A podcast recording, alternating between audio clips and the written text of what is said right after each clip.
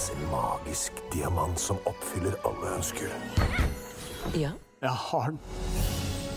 Ryktet sier at hver fullmåne Velkommen til en ny utgave av Filmsamtalen, der vi bl.a. skal gå mer i dybden av hvordan to regissører med forskjellig bakgrunn kan jobbe sammen på en animasjonsfilm. Med meg har jeg Rasmus Sivertsen og Marit Moum Aune, som står bak en av kinohøstens store satsinger på barnefilmfronten, nemlig 'Kaptein Sabeltann og den magiske diamant'. Velkommen, Rasmus og Marit. Takk, takk. Eh, jeg skal ikke underslå at Kaptein Sabeltann-filmene ikke er noe jeg har fulgt nøye med på tidligere. Eh, men jeg har heller ikke vært i målgruppen. Men denne versjonen som dere har laget, har ført til en merkbar, et merkbart kvalitetsløft av dette universet. Det la jeg fort merke til. Og da dere gikk i gang med denne omfattende produksjonen, hva var ambisjonen? Altså, vi hadde mange ambisjoner med denne filmen her. Eh, og eh, en av de var at vi skulle prøve å få til en stor film. Det skulle føles som en stor film. på en eller annen måte. Man skulle ut på et eventyr og en reise. Eh, en annen ambisjon, for å ta ambisjonene først, eh, det var jo musikken. Eh, vi hadde lyst til å løfte og, og gjøre noe med låtene.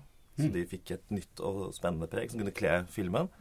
Men så hadde vi også en ambisjon i forhold til å, for å gi Og det kan jo du også si litt mer om, Marit, men det å gi eh, noe liv til de hovedkarakterene, altså eh, barna i filmen. Og mm. ja, tilføre noe, noe der, da. Fordi her er det, eh, som i så mange andre barnefilmer, så er det en jentefigur her som ikke slår seg til tåls med å bli stående på sidelinjen. Eh, men eh, Marit, altså hva, hva kan du si om men Nå spilte jo Rasmus ballen Ja. over til deg, elegant. Ja, det er klart at uh, det man merker fort Jeg kommer fra teater og ballett og litt andre ting. Det man merker fort i filmbransjen, er at det er jo lite jenter, da. Mm. Jeg har omgitt meg med mye mannfolk når vi har holdt med den filmen her, og det har vært veldig reale mannfolk. Men det er klart at diskusjonen vår kommer ganske fort inn. Hvordan kan vi gjøre den litt passive Sunniva-figuren aktiv? For dette, Vi snakker om at vi har tatt over et ikonisk univers. Ja, ja. Altså Dette er jo Foreldregenerasjonen har vokst opp med Kaptein Sabeltann. Kaptein Sabeltann er det som for min generasjon var Egner. ja Og det vil si at man har ganske faste bestemmelser på hvem er de folkene her. Hvem er Langemann og Kaptein Sabeltann og alle de her.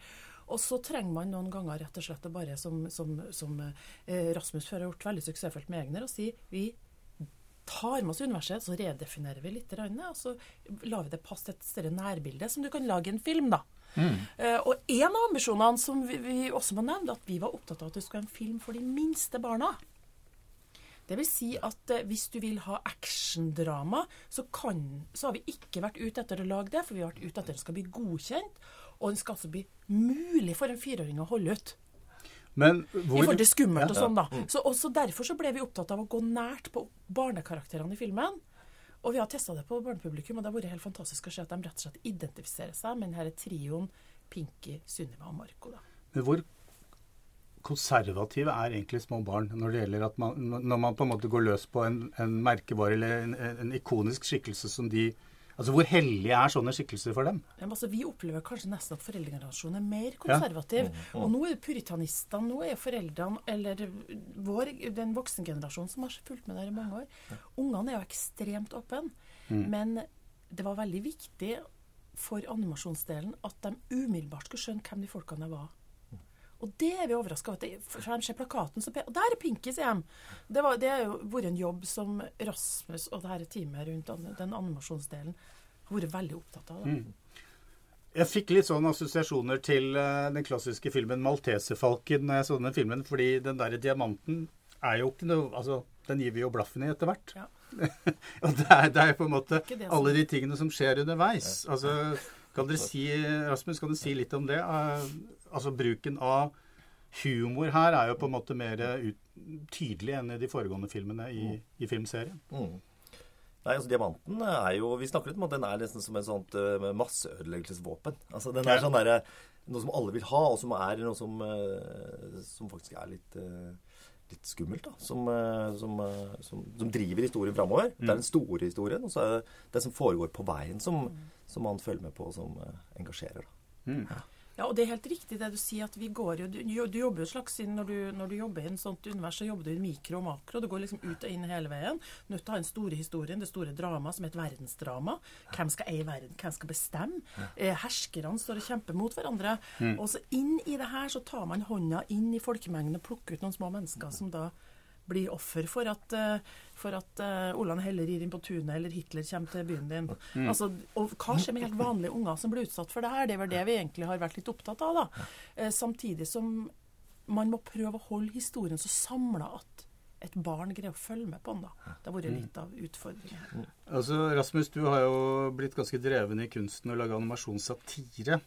Eh, og her synes jeg det, Jeg ser noe av det i portrettet av jungelfyrsten Maga Khan og hans onde dronning. Altså Som begge ser ut som de deltar i en episode av Paradise Hotel eller et eller er annet. Eh, og Maga Khan altså han, som jeg, jeg bare tenkte, han ser ut som en krysning av Aune Sand og Donald Trump. men, men altså, de er jo de tydeligste satiriske innslagene. Kan du si litt om det?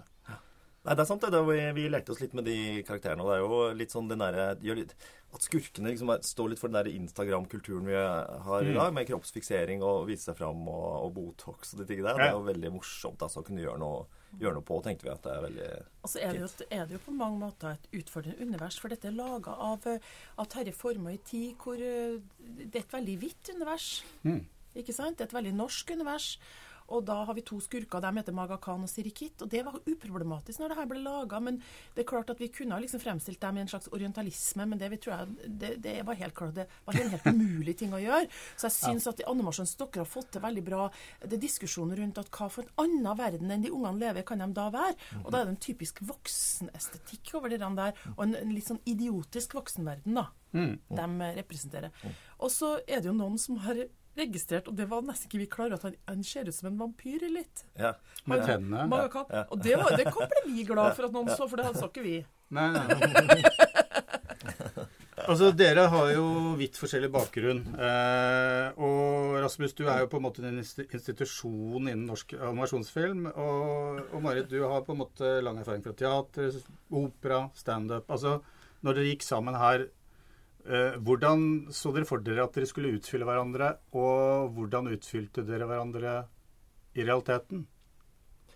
Altså, dette er virkelig et sånn eh, utfyllende samarbeid. Jeg kommer jo fra, kommer fra animasjon selv. altså Satt jo og tegna i sin tid. og har jo lært meg å lage film og, snakke med skuespillere liksom på ja, along the way, da. Men jeg har alltid følt at liksom Når jeg har stått der med en og en skuespiller i studio føler liksom, ja, De gjør replikkene sine og, og, og sånn, men liksom det, jeg har alltid følt at det er, noe, det er noe mer der som ikke jeg kan, og som, som har vært veldig spennende å, å lære mer om. da, og der, der er det jo det er vel Marit som er liksom helt rå på den, på den biten. og det, Ja, Jeg har aldri lært så mye på det så, noen gang som under den produksjonen her, om hvordan man øh, jobber med skuespillere. ikke sant? Vi samla jo alle skuespillerne, det kan jo også du fortelle mer om, men altså i, i, i et, i et ensemble Ja, for dere gjorde noe ut. spesielt, ikke sant? Mm. Dere gikk i studio med stemmeskuespillerne, og ikke bare for å øve på replikkene, men for å spille ut scenene.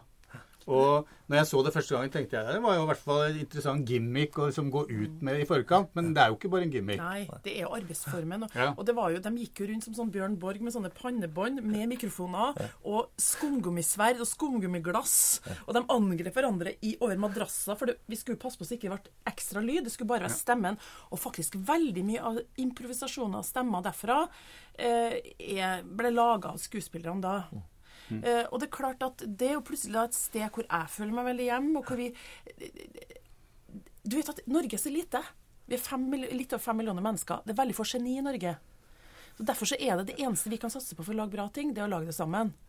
Og da tenker jeg det at, det at, vi er jo Samtidig som jeg da det trengte jo jentene i dette her.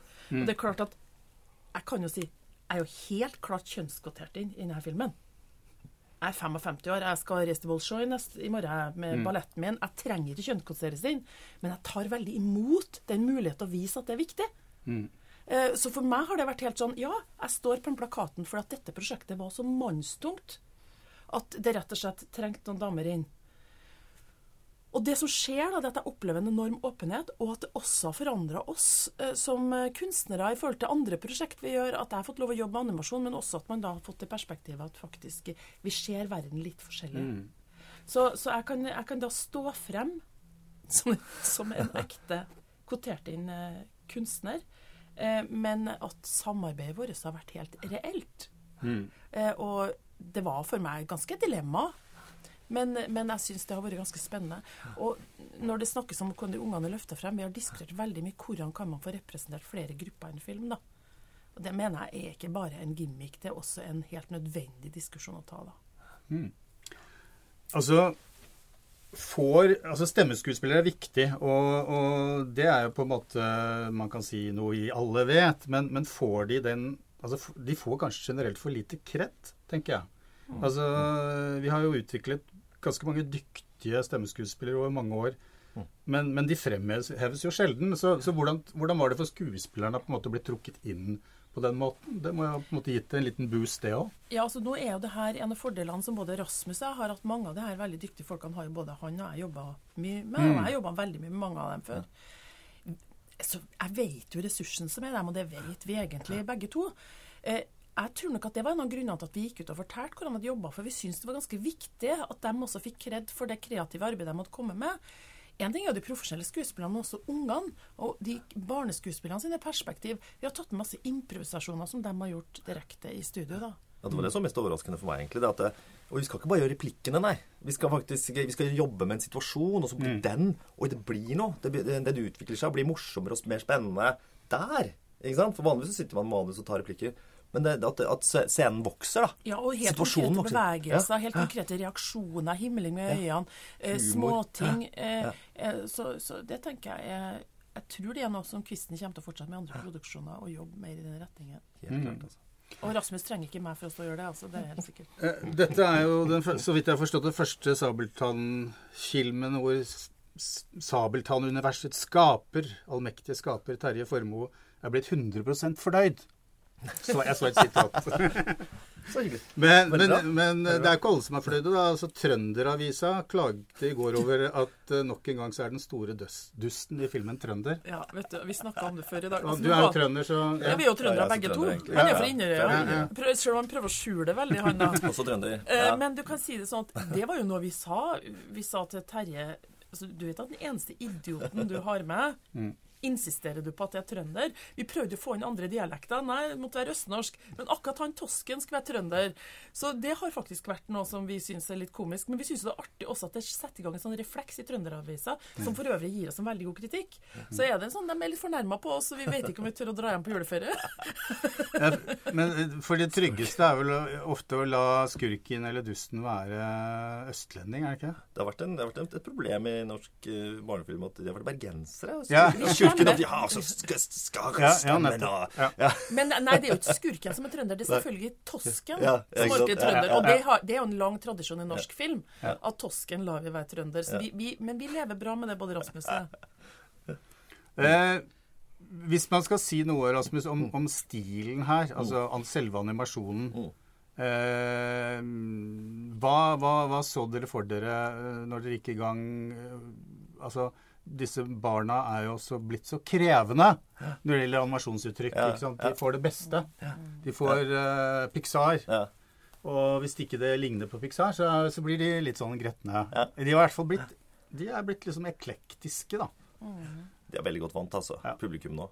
Men vi hadde, det var også en ambisjon. Altså, vi hadde lyst til å, å å se hva vi kunne få til, rett og slett. Mm. Altså vise frem eh, hva vi kunne rent teknisk, da. Mm. Så vi hadde lyst til å legge inn så mye detaljer vi bare kunne i vann og klær og hår, og liksom få til å virkelig se rikt ut.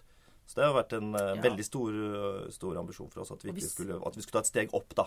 På et eller annet, et eller annet vis. Men det er klart eh, Når du kjemper mot ja, Pixar da, med 1,8 milliarder, i budsjett og sånne ting, så er det jo helt eh, Vi er jo helt absurd. Scene Pixar-film, er jo den penga vi har brukt, men vi bruker jo en del folkene som har vært med i disse filmene. Dette er jo animatører som kommer fra de største filmene, har jo vært med på vår film. Men det er klart annet én ting som har overraska meg veldig med å jobbe med, med animasjonsfilm, det er jo det at vi laga ferdig filmen for et år siden.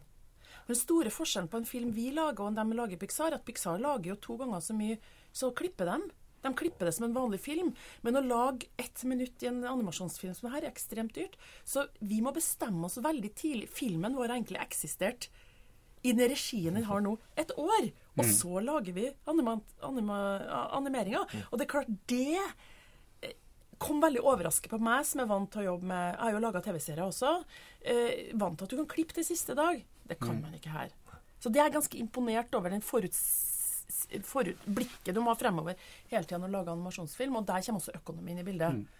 Eh, at man har strukket Altså, u, I utlandet blir man overraska av hva man får ut av de pengene her. At, hva kvisten får ut av de pengene her. altså. Hvordan, ja. Hvordan jobber dere da opp mot eh, skal vi kalle det oppdragsgiver eller altså produsent? Jeg vet, ikke hva, jeg vet ikke hvordan Terje Formoe har vært involvert her i det hele tatt. Jeg... Terje har, øh, har lest øh, manus, Ja. og, og han har sett på design underveis. Og så har vi fått veldig stor frihet Ja. i prosessen Ja. videre. Mm.